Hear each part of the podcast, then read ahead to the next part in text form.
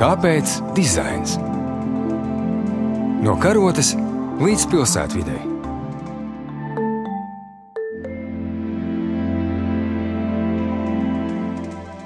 Esiet sveicināti radio klausītāji. Ar jums šodien studijā Klaus Priedītis, redzējumā Kāpēc dizains. Nedaudz pārveidojot kādu tautas parunu, var teikt tā: ragavas jātaisa vasarā, bet velosipēds jāskrūvē ziemā. Raidījuma ierakstīšanas brīdī ziema tiešām ir pienākusi, un šobrīd ārā ielas klāja pabiezta sniega kārta, kas velobraucējs droši vien varētu mudināt sākt ieziemot savus braucamrīkus. Tomēr es, kā ilgadējs ziemas velobraukšanas atbalstītājs, nespēju noturēties pretī kārdinājumam tieši ziemā parunāt par kādu no velokultūras tēmām, lai mudinātu klausītājus arī šajos laikapstākļos turpināt ikdienā mīt pedāļus. Šoreiz vēlos runāt par maz zināmu dizaina jomu, jo ar to profesionālā līmenī Latvijā nodarbojas tikai daži cilvēki. Šī tēma ir veloparku dizains. Lai pastāstītu par to, ko vairāk, šodien uz sarunu pie mums viesojas velobraucējs, ekstrēmā sporta cienītājs, velotūrisma piekritējs un veloparku dizainers Gusts Ošmitsnieks. Labrīt, labrīt, labrīt! Vai šodien atminies ar velosipēdu? Šorīt, diemžēl, neatminos ar velosipēdu, bridu ar kājām cauri, bet uh, ir nedēļas nogalē ieplānot šis tas ar velosipēdu. Un kādas ir vispār tavas attiecības ar velosipēdu?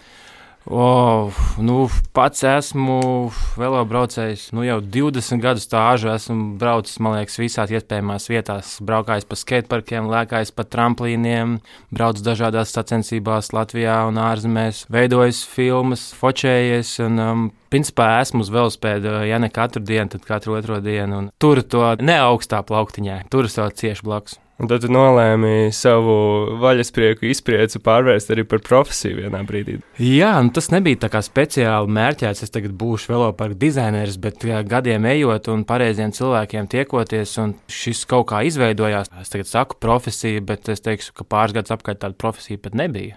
Es nonācu līdz šim veloparka dizainerim pašam pat neapzinoties. Pēkšņi atrapies šajā pozīcijā.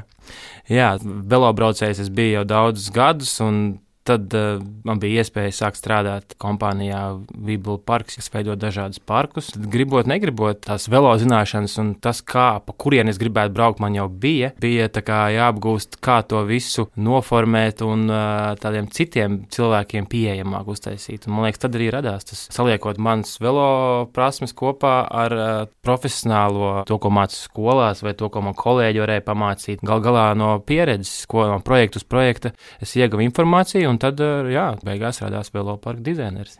Sanāk, tu esi viens no tiem dizaineriem, kas ir sācis ar to, ka rada risinājumu pats savai problēmai. Un tālāk secināja, ka citiem arī varētu patikt tas, ko tu taisi un radi.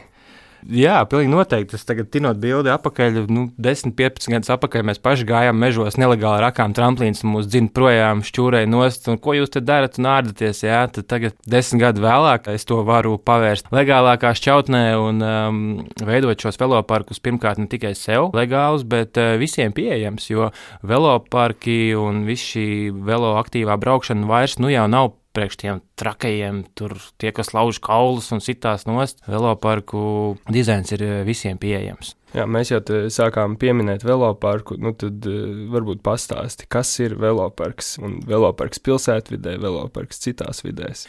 Daudziem zināms ir varbūt ir BMX reiztrases, nu, kur Mārcis Strombergs brauc un zelta medaļas ķēra ārā. Tad ir nu, skateparki, skateparki šis vārds, jā, kur visi metā backflipus, trikus rāda, tur tā ekstrēmā vide vairāk ir. Nu, un tad veloparks, velotrase, gan urbānā, gan ārpus urbānās vidas veidotas speciālas vietas, kur atpūsties ar velosipēdu visai ģimenei, visa vecuma, visu prasmu braucējiem. Šajā veloparkā tad var būt apakšā viss kaut kas, tur var būt gan skateparks, gan dažādi tramplīni, gan asfalta pamtraki, vai, ja, piemēram, ir reliefains kalns, tad tur var būt kaut kāda nobrauciena, trasīte, jeb taciņa, un tad visi šie mazākie elementi, skateparks, pamtraks, trasītes, veido vienu lielu kopumu veloparks. Un, protams, šie veloparki ir divi vienādi pasaulē. Nekad nav katra vieta, katra klienta vēlmes, budžeti un visādi citi faktori ietekmē šo veloparku arī dizainu un arī kā viņš izcīsies gal galā. Vai tev ir sanācis nodefinēt, kas ir labs veloparks? Ir kaut kādi parametri, kas veloparku varētu definēt kā labu veloparku vai nevisai labu veloparku? Tas, protams, atkarīgs no lietotājiem, kāds nāk pēc tam atpakaļ tā atgriezeniskā saite no viņiem, bet, manuprāt, mūsdienās labs, moderns veloparks ir visiem pieejams veloparks. Līdz ar to, ka šajā vienā kontrolētajā teritorijā var izpausties ar riteni jebkura vecuma, jebkura prasme braucējs, nozīmē no iestādes līdz profesionālim un pat uh, no maza bērna ar skēriteni līdz pensionāram ar savu piemedēju.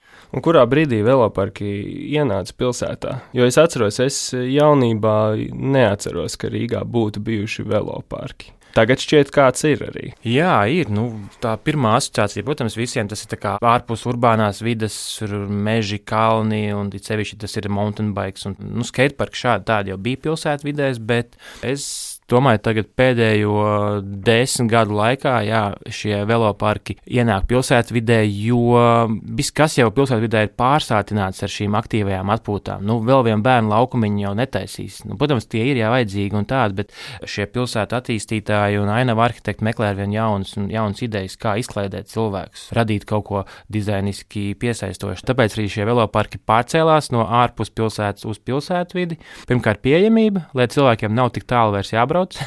lai viņi var šo darīt uh, pilsētvidē, un otrkārt, vienkārši citas lietas jau bija pārsātināts pārāk daudz pilsētā. Vajadzēja kaut ko jaunu. Jā, šķiet, tas uh, var kaut kādā veidā izraut no pilsētas rutīnas ieiet veloparkā. Viens tāds ir Barona ielā. Rīgā populārākais lielākais ir centra sporta kvartāls. No dizaina viedokļa varbūt ne tas skaistākais, diemžēl, bet tas ir pats galvenais, lielākais, un ar to daudzi arī uzskata kā piemēru veloparkam. Un tas ir labs piemērs, kur mēs redzam, ka vienā kvartālā ir savienots viss, gan šie aktīvie sporta veidi, velolietas, gan mazi bērni, gan tradicionālajie sporta veidi. Jā, man pašam dizainiski daudz citi ir mīļāki. Kāpēc dizains?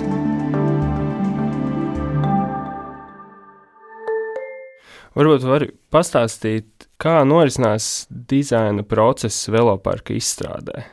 Šeit laikam būtu jānodala kā, nu, divas vidas, kurā to dizainu var veidot. Tas, ko mēs runājam, pilsētvide vairāk un tad ārpus pilsētas. Pilsētvidē vairāk tā ir kaut kāda maza kontrolēta teritorija, kurā no sākuma, protams, tiek ievākta visa informācija un vēlmes no klienta, plus uh, tiek apsakota pati lokācija. Jo tā lokācija ir interesantāka ar kaut kādu reljefu vai koku pa vidu vai akmeni. Tas man kā dizainerim ir interesantāk šo velotrasi, pamtraku izvērst un ieintegrēt šos objektus. Tiek ievākta informācija, nu, un tad es sēžos pie kompjutera un ar savu komandu mēģinu saprast, kas šajā teritorijā ieiet attiecīgi no budžeta vai klientu vēlmēm, plus pieliek to savu kā velobraucēja pieredzi, lai arī man būtu interesanti braukāties. Un, protams, domājot par šiem visiem maziem bērniem un arī pensionāriem, lai ir visaptveroši. Tā ir tā pilsētas vide, bet tad jau veloparks ir, nu, ja mēs ejam ārpus pilsētām, kalni un slēpju kurorti. Tas Latvijā varbūt netik populāri, bet ir šie, kur ziemā slēpojam, tur vasarā ārzemēs sevišķi veido veloparkus ar pacēlētu uzbrauc augšā un tad pa dažādu grūtību takām tu brauc lejā. Man tas pašam ir sirdī tuvāk, tad es varu aizbraukt vesels piecas dienas pa to kalnu, staigāt augšā lejā, meklēt, kur ir kādi diškoki, akmeņi, avotiņi, upītes, nu, un tad saprast, kā šajā vienā nogāzē es varu savietot iekšā kādus 5, 6 nobraucienus, nu, jeb takas, tā lai viņi savā starpā labi strādā, un plus vēl, jā, visi var izpausties. Snāk, ka tu strādā arī ar vidi, kaut kādā ziņā izmanto vidas stiprās un vājās puses. Jā, es pat nebiju aizdomējies par šo. Jā, es strādāju ar vidi. Es to varu teikt, jā, laikam strādāju ar vidi. Man tas tiešām visvairāk patīk, kad uh, tu apsties, ko tev daba dod. Ir sevišķi mūsdienās pie visiem zaļajām kustībām un eko, kad pēc iespējas vairāk saglabāt. Nu, ja agrāk kaut ko vajadzēja būvēt, tad nu, mēs šo koku nocirtīsim. Tad tagad, eh, hmm, kā mēs varam šim kokam apbūvēt apkārt vai Ab, apbraukt apkārt? Abra, apbraukt apkārt, jā. Un patīk pēc mazliet savienot šo esošo uh, vidi ar manām braukšanas prasmēm, iztēloties, kā es tur brauktu un pielikt klāt, teiksim, ainavu arhitektūru, lai tas arī izstāsta pēc tam labi. Kā ir ar eh, šī risinājuma lietotājiem, veloparku lietotājiem? Vai tie pārsvarā ir jauni cilvēki? Jo es domāju, ka stereotips sabiedrībā ir veloparks, nu, tur ir jaunas meitenes, jauni puiši ar ķiverēm, lēkā, lauž kaulus, iespējams. Bet vai veloparki ir eh, domāti arī vecākiem cilvēkiem? Vai pa veloparkiem var braukāt ar citiem braucamrīkiem? Var skraidīt, lēkāt, vai tomēr veloparki ir paredzēti velosipēdam? Nu, veloparks noteikti ir paredzēts velosipēdam, bet mēs viņam plānojot teritoriju varam visu kaut ko paredzēt apkārt, lai arī tiem skraidītājiem būtu ko darīt. Bet atgriežoties par lietotājiem, jā, nu, tas tāds sevišķi mūsu platumgrādos iesakņojies stereotips, ka ja tas ir kaut kāds veloparks, skateparks, tas ir kaut kādiem trakajiem, kaulu lauzējiem. bet uh, nē, nu, ja tas ir labi izplānots veloparks, tad uh, tam būtu jābūt paredzētam jebkuram. Līdz sevišķi to var redzēt ārzemēs, novērot, ka tas lietotāju pulks ir varbūt ārpus Latvijas vecāku gadagājumu cilvēku lieto vairāk šos veloparkus, jo arī uzskata, ka jābūt ārā pie dabas un aktīvi jāatpūšās. Tad neiet runa par kādiem trikiem un lekšanu, vienkārši būt, braukāties, būt ārā. Baltijā savukārt Latvijā vairāk ir jā, tomēr jaunieši, šie vecāku gadagājumu cilvēki varbūt vēl nav atklājuši to, ka tas nav tikai priekš jaunajiem. Un tad mans uzdevums, viens no ko es pats sev esmu apsolījis, veidojot gan dizainu, gan runājot par veloparkiem, teikt, ka tas nav vairs nišīgs, šaurai lietotāju lokam paredzēta vieta. Ejiet visi ārā, braukājieties, jā, esat pie dabas, tas ir paredzēts visiem. Nu, protams, ja veloparks ir veidots moderns un visiem paredzēts, tāpēc ir arī sliktie veloparki, piemēram, protams, kur ir tikai paredzēts šaurākā lietošana pulkam. Un kāda ir atgriezeniskā saite pēc uh, projekta, vai izdodas parunāt ar tiem cilvēkiem? Kaut kā tu saproti, ka šis kalniņš ir pārāk mazs, vai šo vajadzēja bišķiņu lielāku, vai nedaudz uh, ātrāku virāžu. Jā, nu, urbānā vidē tas ir grūtāk pēc tam pārveidot, ja sevišķi tā ir asfalta velotrase, bet uh, noteikti mēs ievācam šo atgriezenisko saiti. Pirmkārt, mēs arī veidojam sacensības un pasākumus tur, tas ir vislabākais rādītājs. Tur gan iesācējs, gan profesionāls atbrauc un pasaka, kas ir, kas nav tik labs. Galā tās gaumas jau arī braucējiem atšķirās, kas vienam patīk, otram var nepatikt. Un tad mans uzdevums ir savākt visu to informāciju, apstrādāt un tad to iegūto pieredzi jau es varu izlikt nākamajā projektā, aizsot nākamo velotrasi, iekļaut šīs viņu idejas vai tās vēlmes. Ārpus atkal pilsētām kalnos, kur ir treili, šīs takas. Tur jau drusku vieglāk. Tu pirmo gadu uztaisīji šo treilu, un tad skaties, kā tas sāk strādāt.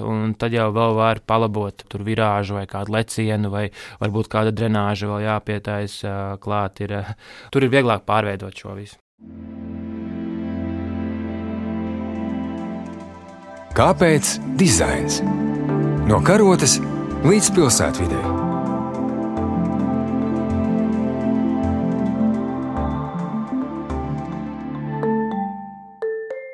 Varbūt jūs varat pastāstīt par kaut kādiem saviem projektiem, kas ir bijuši interesantākie vai izaicinošākie ar kaut ko. Pirmais. Nu, kaut kādu labu, garšīgu velo parku projektu, kurā tu esi iesaisties un par ko ir gandarījums.